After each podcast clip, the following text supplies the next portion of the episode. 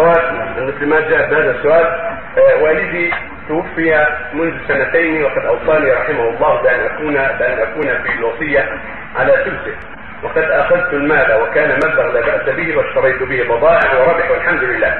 وأنا آه، إن بعد أن زاد هذا المبلغ بدأت أعطي منه صدقات وأعطي للمحتاج وكذلك إذا أراد أحد دين فإني أعطيه من ذلك المال أما بالنسبة لي فاني أخذ منه دين إذا احتجت لذلك وأقوم بارجاعه هل في هذا الأخذ شيء؟ أرجو أن تخبرني جزاكم الله خيرا. هل هو حلال؟ حلال وحرام؟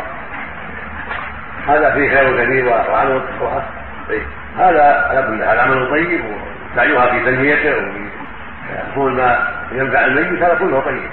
وإن جعل في عقار يكون اثبت مثل بيت أو دكان أو نخل إذا كان مال يمكن شراء العقار يكون أسلم وأثبت. والا هذا عمل طيب ولا تشتري به سلع وينمو تعتني بأسباب الربح وتصدق بذلك.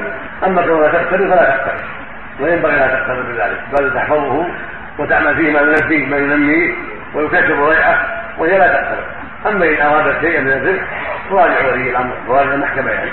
تراجع المحكمة والمحكمة تفر لها شيء نصف الربح أو ثلث الربح أو ربع الربح أو ما أشبه ذلك من قضاء المحكمة. نعم.